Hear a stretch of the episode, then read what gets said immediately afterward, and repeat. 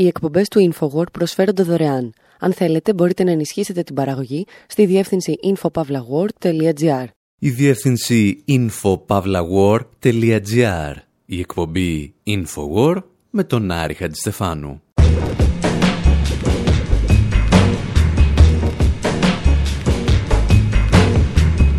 Όπου σήμερα αναρωτιόμαστε εάν ο πολύς κύριος Elon Musk, ο δημιουργός μεταξύ άλλων των ηλεκτρικών αυτοκινήτων Tesla, είναι ο Μεσσίας που κάποιοι περιμένατε ή μήπως είναι ελαφρώς παλιοχαρακτήρας.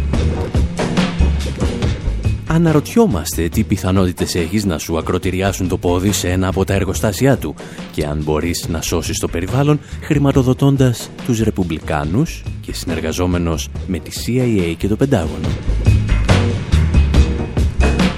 διαβάζουμε στους New York Times ότι ο Elon Musk είναι ο Donald Trump της Silicon Valley και αναρωτιόμαστε εάν αυτή η πληροφορία ηχεί τόσο άσχημα στη Silicon Valley όσο ηχούσε κάποτε στην Ιερά Εξέταση η αποκάλυψη του Γαλιλαίου ότι η γη περιστρέφεται γύρω από τον ήλιο.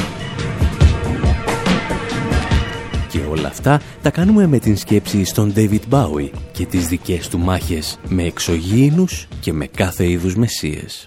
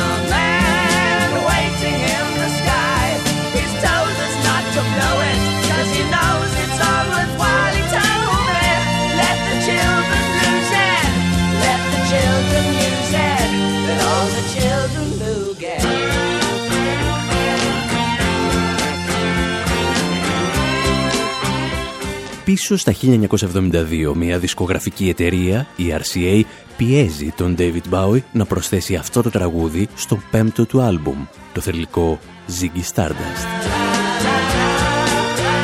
Και ίσως για μία φορά στην ιστορία η δισκογραφική είχε δίκιο και ο καλλιτέχνης που δεν το πολύ ήθελε είχε άδικο. Στο τραγούδι, ο Ziggy Stardust, που είναι το alter ego του Bowie, μεταφέρει στη γη το μήνυμα ενός εξωγήινου, τον οποίο στο εξής θα αποκαλούμε Starman. Γιατί, όπως εξηγούσε παλαιότερα ο ίδιος ο Bowie, σε συνέντευξη που είχε παραχωρήσει στον William Burroughs, ο Ziggy Stardust δεν είναι εξωγήινος. Ήταν αγγελιοφόρος των εξωγήινων. Το τραγούδι δυστυχώς ερμηνεύεται από ορισμένους σαν μια αναφορά στην επιστροφή ενός Μεσσία και συγκεκριμένα στη Δευτέρα Παρουσία. Το πρόβλημα που εμείς έχουμε σε αυτή την ιστορία, γιατί πάντα έχουμε ένα πρόβλημα όπως θα έχετε καταλάβει, είναι ότι όταν αναζητήσεις τη λέξη Starman στο ίντερνετ, τα περισσότερα αποτελέσματα δεν αφορούν πλέον τον David Bowie. Αφορούν τον δισεκατομμυριούχο Elon Musk. Και αυτό συμβαίνει γιατί ο εν λόγω κύριος χρησιμοποιεί το όνομα Starman για την εταιρεία του SpaceX. Για την ακριβία, έχει θέσει σε διαστημική τροχιά ένα ηλεκτρικό αυτοκίνητο Tesla, στο οποίο επιβαίνει μια κούκλα που ονομάζεται Starman, από το τραγούδι του Bowie. Εμείς πάλι πιστεύουμε ότι τον Elon Musk ίσως τον χαρακτηρίζει ένας άλλος στίχος από ένα άλλο τραγούδι, το Ziggy Stardust, πάντα του Bowie. Εκείνο το στιχάκι που λέει ότι κάνει έρωτα με το εγώ του, σαν ένας λεπρός μεσσίας.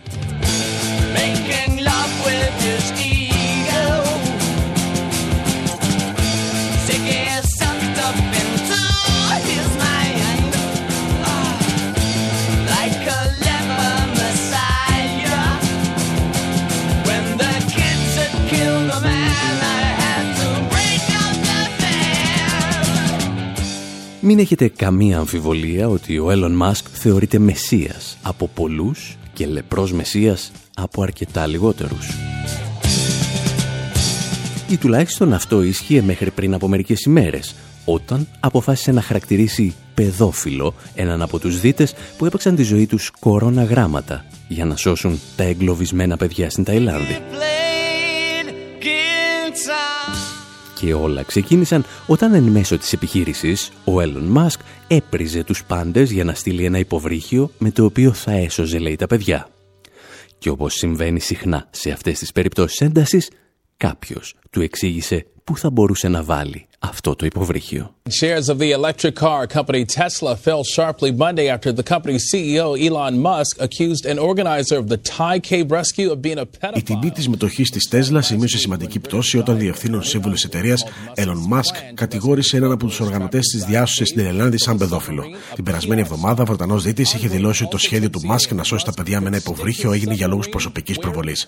Μιλώντας στο CNN, συμπλήρωσε ότι ο Musk μπορεί να βάλει το υποβρύχιο εκεί που πονάει. Ο δισεκατομμυρίουχος επιχειρηματίας απάντησε με ένα tweet το οποίο στη συνέχεια έσβησε. Είπε ότι θα πάει το υποβρύχιο στο σημείο της σπηλιάς όπου είχαν παγιδευτεί τα παιδιά για να αποδείξει ότι θα λειτουργούσε. Ο ίδιος συμπλήρωσε. Συγγνώμη, παιδόφιλε, αλλά ήθελες να τα ακούσεις. Το tweet του Musk οδήγησε τη μετοχή της Tesla να χάσει 3,5 ποσοστιαίες μονάδες τη Δευτέρα, αλλά επανέκαμψε την Τρίτη.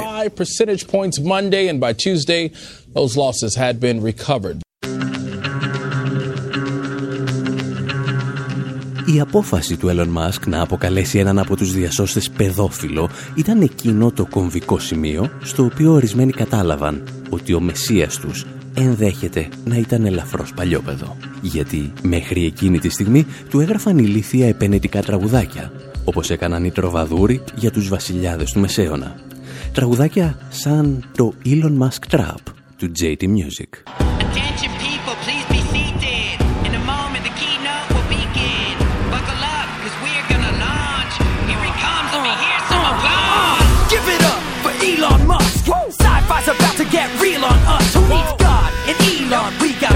Pays yep. himself minimum wage, he don't need the boss. Start your car with the fog, keys are bust. Want something larger? You should see our truck. But if you're bored, there's more than four wheels on Musk. Cop on his rocket if you want to feel the Elon thrust. Blood, sweat, and tears, call that Elon's must. Yo. Let's carve a marble sculpture of Elon's bust. More of a uh-huh. model entrepreneur than Steve Jobs plus. Self-taught and rocket science far beyond us. Forget the energy crisis, he can recharge us. Make it sustainable. One day we all must. He's on a Star Trek.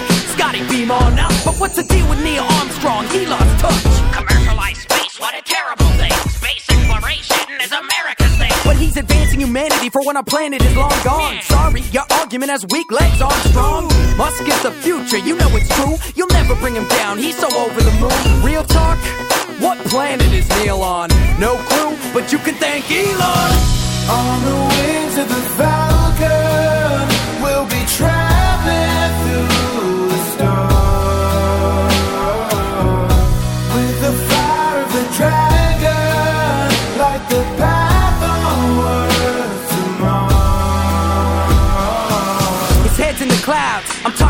ozone. You're in his house now, wipe off your toes, bro. Carbon footprints are a no-no. Oh, the oil companies are gassed out, they're running so low.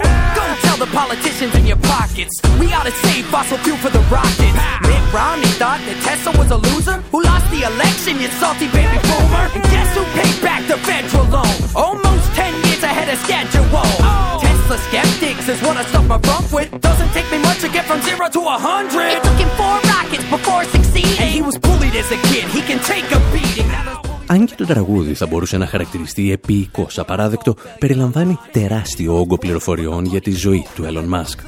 Από τότε που γεννήθηκε στο καθεστώς του Apartheid στη Νότια Αφρική, ευτυχώς γι' αυτόν από λευκούς γονείς, μέχρι τα τελευταία του επιτεύγματα. PayPal take game in space. Και μεταξύ αυτών ακούμε για τη δημιουργία της εταιρείας που θα εξελιχθεί στο γνωστό μας PayPal, για τα ηλεκτρικά αυτοκίνητα της Tesla, τα προγράμματα τεχνητής νοημοσύνης και φυσικά τα σχέδιά του για τον επικισμό του πλανήτη Άρη. With the fire of the dragon. Εάν όμως ο τύπος είναι τόσο καλός, μήπως μπορούμε να του συγχωρήσουμε τον παλιό χαρακτήρα και μερικά ξεσπάσματα στο Twitter; Μπορούμε να πιστέψουμε ότι ένας άνθρωπος με προσωπική περιουσία 21 δισεκατομμυρίων δολαρίων ενδιαφέρεται πραγματικά να σώσει τον πλανήτη; Το πρόβλημα εδώ δεν είναι προφανώς η προσωπική περιουσία του, γιατί πλούσιος ήταν και ο Έγγελς. Μόνο που εκείνος έδωσε τις πρώτες μάχες της ζωής του για να υπερασπιστεί τους εργάτες στα εργοστάσια του πατέρα του. Αντίθετα, ο Elon Musk δίνει τη μάχη για να συνθλίψει τους δικούς του εργαζόμενους.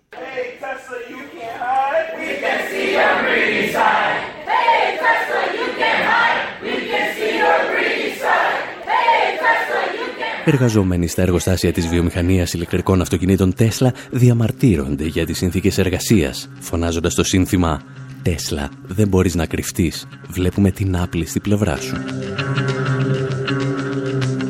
Και αυτή η απληστία των ιδιοκτητών της Τέσλα ίσως να παραμείνει παρημιώδης για τις επόμενες δεκαετίες. Γιατί, όπως αποκάλυψε η εφημερίδα Guardian, στα εργοστάσια της Τέσλα οι εργαζόμενοι λιποθυμούν από υπερκόπωση, προκειμένου να πιάσουν τους στόχους που τους θέτει ο μεγάλος οραματιστής Elon Musk. Tesla factory workers in California are working so hard they're passing out on the production line, according to the Guardian newspaper.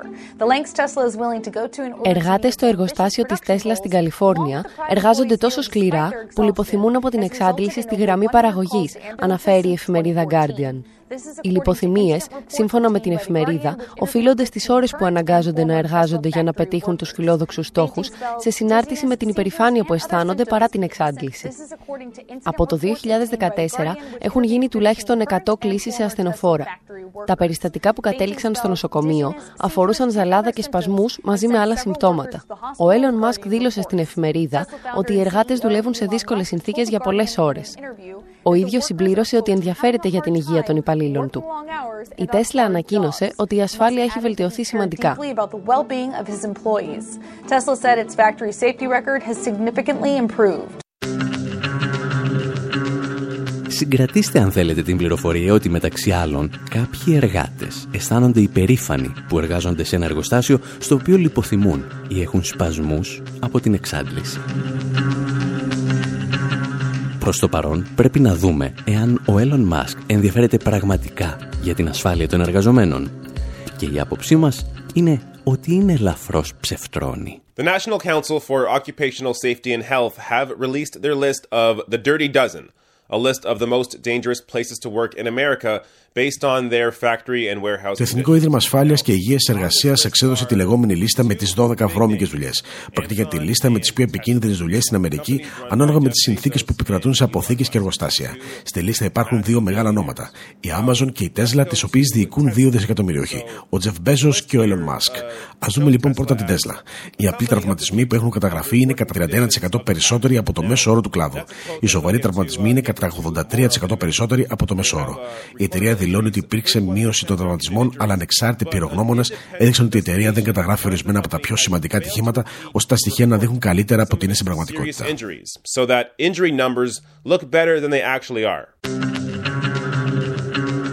Ανάμεσα στα πιο σοβαρά ατυχήματα περιλαμβάνεται και ο ακροτηριασμός ενός εργαζομένου το 2016.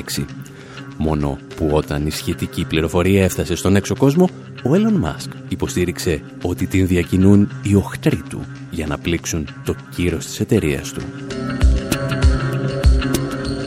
Και αυτό περίπου είπε όταν κάποιοι εργαζόμενοι του επιχείρησαν να αποκτήσουν συνδικαλιστική εκπροσώπηση που δεν είχαν μέχρι τότε. Ούτε λίγο ούτε πολύ τους κατηγόρησε ότι είναι πράκτορες γιατί ως γνωστόν πρέπει πρώτον να είσαι λέρα για να κυβερνάς γαλέρα και δεύτερον πρέπει να έχεις εργοστάσια χωρίς συνδικάτα για να δεις την προσωπική σου περιουσία να ξεπερνά τα 20 δισεκατομμύρια δολάρια. Ακούστε τώρα πώς απάντησε ο Έλλον Μάσκ όταν ένας εργάτης κατήγγειλε τις συνθήκες εργασίας και προσέφυγε στο συνδικάτο. Elon Musk heard his complaints Earlier today, he put out a statement saying, quote, this guy was paid by the UAW to join Tesla Όταν ο Elon Musk άκουσε τις καταγγελίες, ανάρτησε την εξής απάντηση. Αυτός ο τύπος πληρώθηκε από το Συνδικάτο Εργαζομένων στι Αυτοβιομηχανίες για να μπει στην Τέσλα και να ζητήσει δημιουργία συνδικάτου.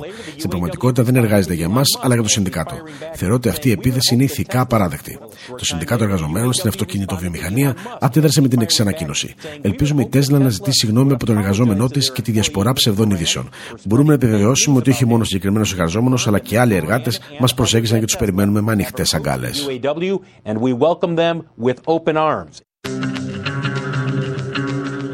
Εάν όμως σε ένα εργοστάσιο επικρατούν τέτοιες συνθήκες, μήπως μπορούμε με σχετική βεβαιότητα να υποθέσουμε ότι ο entrepreneur μάγος της Silicon Valley είναι έτοιμος να καταλάβει επιχειρηματικά τον πλανήτη; Η αλήθεια είναι ότι κινδυνεύει ανα πάσα στιγμή με χρεοκοπία. Και μια δεύτερη αλήθεια είναι ότι πίσω από την αγγελική εικόνα του ανθρώπου που θέλει να σώσει τον πλανήτη κρύβεται ένας άνθρωπος που χρηματοδοτεί τα πιο αντιδραστικά στελέχη του Ρεπουμπλικανικού κόμματος. Ανθρώπους όπως ο Μάρκο Ρούμπιο που ζητούν την πραγματοποίηση πραξικοπήματος στη Βενεζουέλα. Γι' αυτά όμως θα συζητήσουμε στο δεύτερο μέρος της εκπομπής. Εσείς στο διάλειμμα, μια και μιλήσαμε για Βενεζουέλα, μπορείτε να επισκεφτείτε τη σελίδα μας maketheeconomyscream.com και να μάθετε περισσότερα για το νέο εγχείρημά μας. Και αν θέλετε, να γίνετε συνένοχοι στο έγκλημα.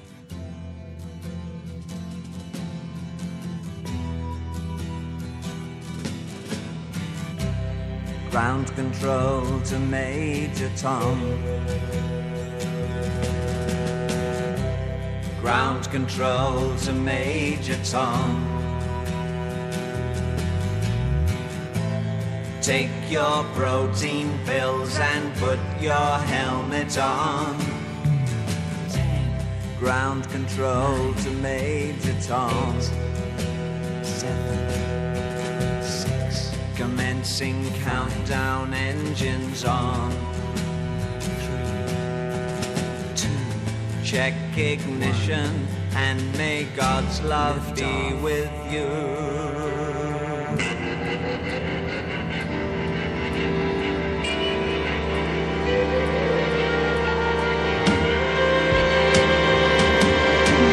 This is ground control to Major Tom. You've really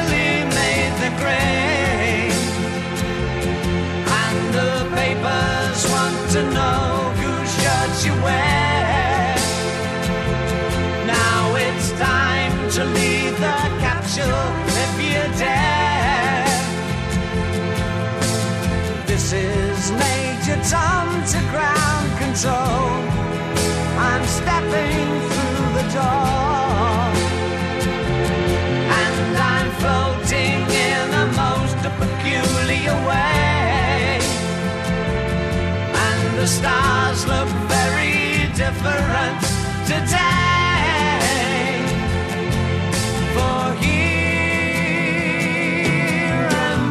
Sitting in a tin can.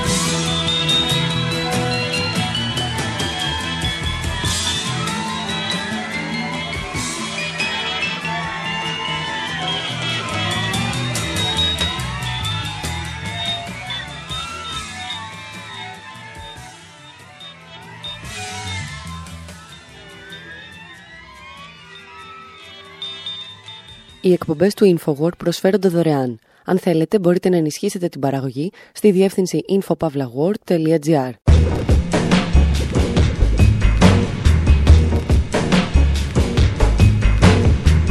Εκπομπή InfoWord, μέρος δεύτερο.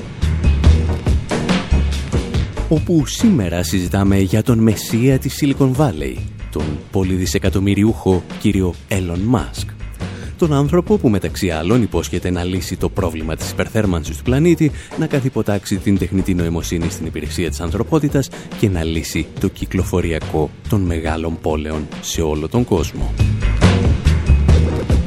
Και αν αποτύχουν όλα αυτά, θα μας πάρει σε ένα μεγάλο διαστημόπλιο και θα μας μεταφέρει στον πλανήτη Άρη, όπου θα έχει προηγουμένως στήσει μια απικία.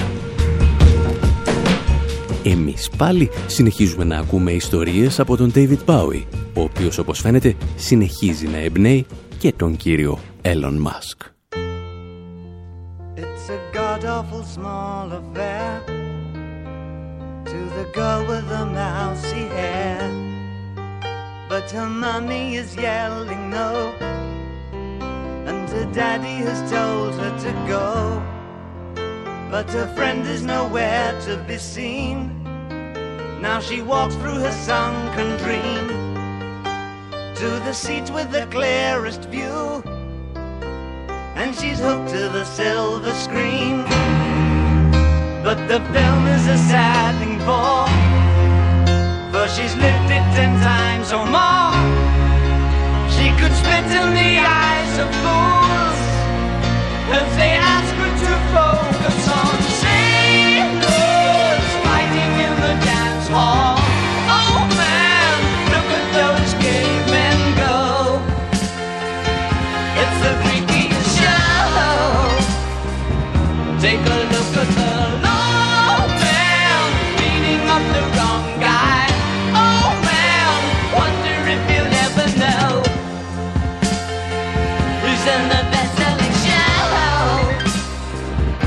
Is their life on Mars?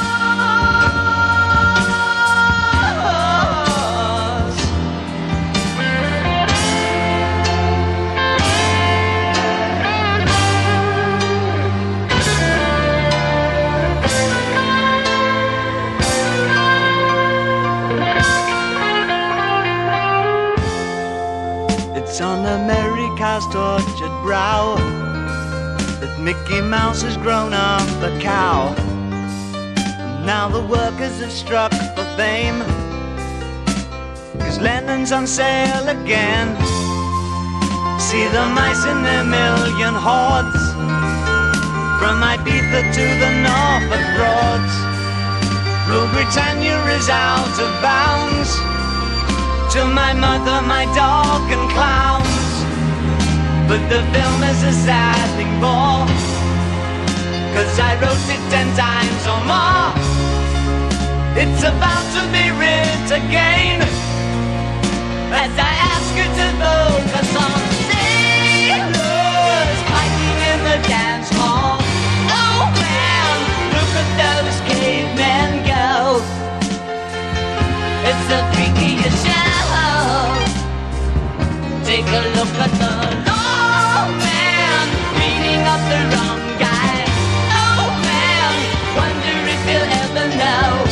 Ο David Bowie τραγουδά το Life on Mars, η ζωή στον Άρη.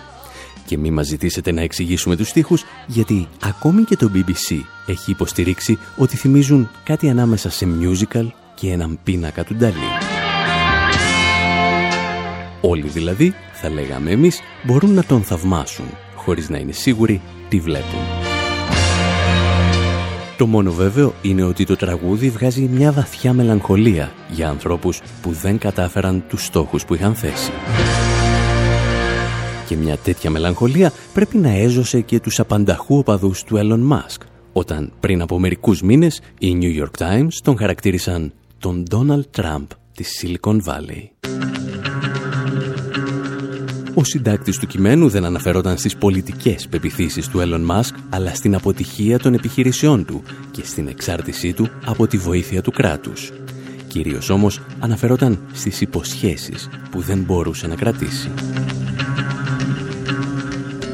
Ορισμένες κατηγορίες που μπορεί να κάνουν ακόμη και τον πιο κοινικό entrepreneur να τεινάξει τα μυαλά του στον πλησιέστερο τοίχο. But the electric car maker also reported its third quarter loss has widened to 110.8 million dollars from 65.1 million. Τα αμερικανικά μέσα ενημέρωσης τα τελευταία χρόνια δεν προλάβαιναν να μετράνε τις ζημιές της Τέσλα, της εταιρείας των υπερπολιτελών ηλεκτρικών αυτοκινήτων, η οποία είχε δανειστεί παρεπιπτόντος και μισό δισεκατομμύριο δολάρια από το Υπουργείο Ενέργειας των Ηνωμένων Πολιτειών. Οι New York Times, όπως και το περιοδικό Fortune, αλλά και το Bloomberg, μας θύμιζαν ότι η Tesla δεν έχει δει σχεδόν ποτέ κέρδη στην 15χρονη ιστορία της. Κάθε λεπτό μάλιστα χάνει 6.500 δολάρια και κινδυνεύει διαρκώς με χρεοκοπία. Όσο για τα ομόλογά της θεωρούνται σκουπίδια από τους οίκους αξιολόγησης. Το μεγαλύτερο πρόβλημα ήταν ότι και η πρόσκαιρη επιτυχία που σημείωσε στις πωλήσεις οχημάτων οφείλονταν στην παρέμβαση του κράτους που προσέφερε φοροελαφρύνσεις στην αγορά των Τέσλα. Δηλαδή, οι φορολογούμενοι πρημοδοτούσαν την απόφαση των πλουσιότερων συμπατριωτών τους να αγοράσουν οικολογικά αυτοκίνητα αξίας 80.000 δολαρίων. Είναι χαρακτηριστικό ότι στο Χονγκ Κονγκ όταν σταμάτησαν ευνηδιαστικά οι κρατικές ενισχύσεις, οι πωλήσεις των Τέσλα έπεσαν από τα 2.939 οχήματα στα 0. Και αν αυτό δεν ονομάζεται κρατικοδίαιτος καπιταλισμός, εμάς να μας φτύσετε, εάν μας βρείτε. Παρόμοιες ενισχύσεις εκατομμυρίων δολαρίων όμως λάμβανε ο Elon Musk και για το διαστημικό πρόγραμμα της εταιρείας του SpaceX, αυτό που θα μας στείλει στον Άρη. Another successful launch for space early this morning. It launched a top secret satellite for the US government. Η CIA έδειξε από πολύ νωρίς ενδιαφέρον για τη δουλειά του Elon Musk και όπως ακούσατε ακολούθησε και το Πεντάγωνο. Τον μεγαλύτερο λογαριασμό όμως τον πλήρωσε η NASA που του παρήχε δωρεάν εγκαταστάσεις εκατομμυρίων δολαρίων πάντα των Αμερικανών φορολογούμενων. Αν όμως σε πληρώνει το Υπουργείο Ενέργειας, το Υπουργείο Άμυνας, οι μυστικές υπηρεσίες και άλλοι οργανισμοί των Ηνωμένων Πολιτειών και εσύ συνεχίζεις να παρουσιάζεις ζημιές, μήπως, μήπως δεν είσαι και ο πλέον επιτυχημένος επιχειρηματίας στον πλανήτη; Εμάς πάλι δεν μας απασχολεί μόνο ποιος πληρώνει τον Elon Musk, αλλά και ποιους πολιτικούς πληρώνει αυτός. Ιστορίες για να έχουμε να λέμε, ύστερα από ένα μικρό διάλειμμα.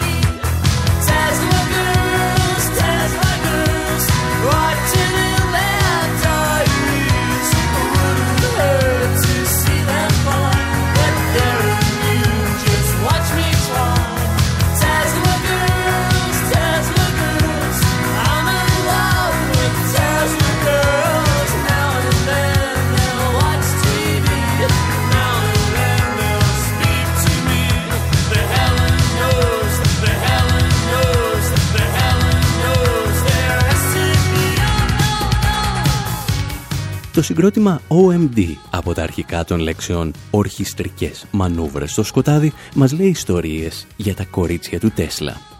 Μια αναφορά στον μεγάλο εφευρέτη Νίκολα Τέσλα που μας έδωσε τις γνώσεις του για τον ηλεκτρισμό. Και εμείς αρχίσαμε να φτιάχνουμε ηλεκτρικές καρέκλες. Για την ιστορία, το όνομα του Τέσλα είναι ένα ακόμη από αυτά που κινδυνεύουν να χαθούν στις πίσω σελίδες της Google, όπως και ο Starman του David Bowie. Γιατί ο αλγόριθμος της Google θεωρεί δεδομένο πως αν γράφεις Tesla θέλεις να μάθεις κάτι για την εταιρεία του Elon Musk και όχι για έναν από τους μεγαλύτερους επιστήμονες της ιστορίας. Εμάς πάλι σε αυτό το σημείο μας ενδιαφέρει πραγματικά ο Elon Musk και κυρίως οι σχέσεις του με την πολιτική.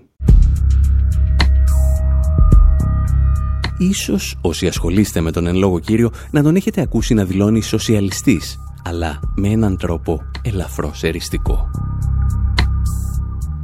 Όταν τον ρωτούν, απαντά ότι βρίσκεται ανάμεσα στους ρεπουμπλικάνους και τους δημοκρατικούς. Μπορούμε δηλαδή να τον φανταστούμε σαν ένα δικέφαλο τέρας, με χαρακτηριστικά από τον Ντόναλτ Τραμπ και την Χίλαρη Κλίντον. Και για να το επιβεβαιώσει, ο ίδιος χρηματοδοτεί εδώ και χρόνια και τα δύο κόμματα. Έχει όμως μια ελαφρά προτίμηση προς τους ακροδεξιούς ρεπουμπλικάνους. Ένας από τους πολιτικούς που ενισχύθηκαν από τα ταμεία του ήταν ο ακροδεξιός γερουσιαστής Μάρκο Ρούμπιο. Και επειδή το όνομα μπορεί να μην σας λέει τίποτα, ρωτήσαμε τον οικονομικό και πολιτικό αναλυτή Μάρκ Βάισμπροτ. Τι κουμάσι είναι αυτός ο Ρούμπιο; Και ο Βάισμπροτ μας θύμισε ότι είναι ο πρωταγωνιστής των προσπαθειών για την πραγματοποίηση ενός πραξικοπήματος στη Βενεζουέλα.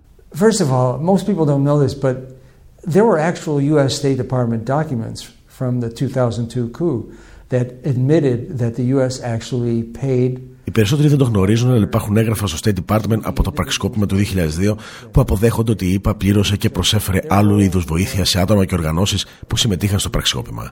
Ο ρόλος τους έχει καταγραφεί σε έγγραφα. Συμμετείχαν ενεργά στο πραξικόπημα. Δεν το στήριξαν απλώς στη συνέχεια. Τώρα είναι ακόμα πιο ξεκάθαρο. Ο Υπουργός Εξωτερικών πήγε στη Λατινική Αμερική το τελευταίο διάστημα και κάλεσε το στρατό της Βενεζουέλας να ανατρέψει την κυβέρνηση. Ο γερουσιαστή Μάρκο Ρούμπιο είπε κάτι σχετικό. Και αυτοί είναι οι άνθρωποι που καθορίζουν την πολιτική για τη Βενεζουέλα, ειδικά ο Ρούμπιο that are really deciding this policy, especially Rubio. Για την ιστορία, ο Υπουργός Εξωτερικών, στον οποίο αναφερόταν ο συνομιλητής μας, ήταν ο Ρεξ Τίλερσον, για τον οποίο ο Έλλον Μάσκ είχε εκφράσει απεριόριστο θαυμασμό. Ο Μάρκο Ρούμπιο, από την άλλη, για τον οποίο ακούσατε, είχε κερδίσει τη θέση του γερουσιαστή με τη στήριξη του ακροδεξιού μορφώματος του Tea Party. Επίσης, έχει υπάρξει ένθερμος υποστηρικτής της Αμερικανικής εισβολής στο Ιράκ, αλλά και των στρατιωτικών επιχειρήσεων της Σαουδικής Αραβίας εναντίον της Ιεμένης. Των επιχειρήσεων δηλαδή που οδήγησαν σε μια από τις μεγαλύτερες ανθρωπιστικές κρίσεις της σύγχρονης ιστορίας. Παράλληλα, ο Ρούμπιο στήριζε με όλες του τις δυνάμεις την ενίσχυση Ισλαμιστών Σουνιτών μαχητών μέσα στη Συρία. Είναι δηλαδή ένας μικρός Μακιαβέλη ή αν προτιμάτε μια καρικατούρα του Χένρι Κίσιγκερ. Και ο Έλλον Μάσκ είχε και άλλους αγαπημένους ρεπουμπλικάνους. Αρκετοί από δάφτους μάλιστα είναι φανατικοί πολέμοι του περιβάλλοντος, το οποίο ο Μάσκ υποτίθεται ότι γεννήθηκε για να προστατεύσει. Για να προωθήσει τώρα το διαστημικό του πρόγραμμα στην Ουάσιγκτον, ο Έλλον Μάσκ προσέλαβε ως λομπίστα τον πρώην γερουσιαστή Τρέντ Λόντ, το πρόβλημα εδώ είναι ότι ο Λότ είχε αναγκαστεί να εγκαταλείψει την πολιτική επειδή στήριζε δημόσια την περίφημη Dixieland, δηλαδή τον θεσμοθετημένο ρατσισμό του Αμερικανικού Νότου. Εκεί που όχι και τόσο παλιά είχαν κάτι σκλάβους. Για να μην σας παιδεύουμε, είναι ό,τι πιο κοντά στην Ku Klux Klan μπορεί να φανταστεί κάποιος μετά τον πρόεδρο Τραμπ.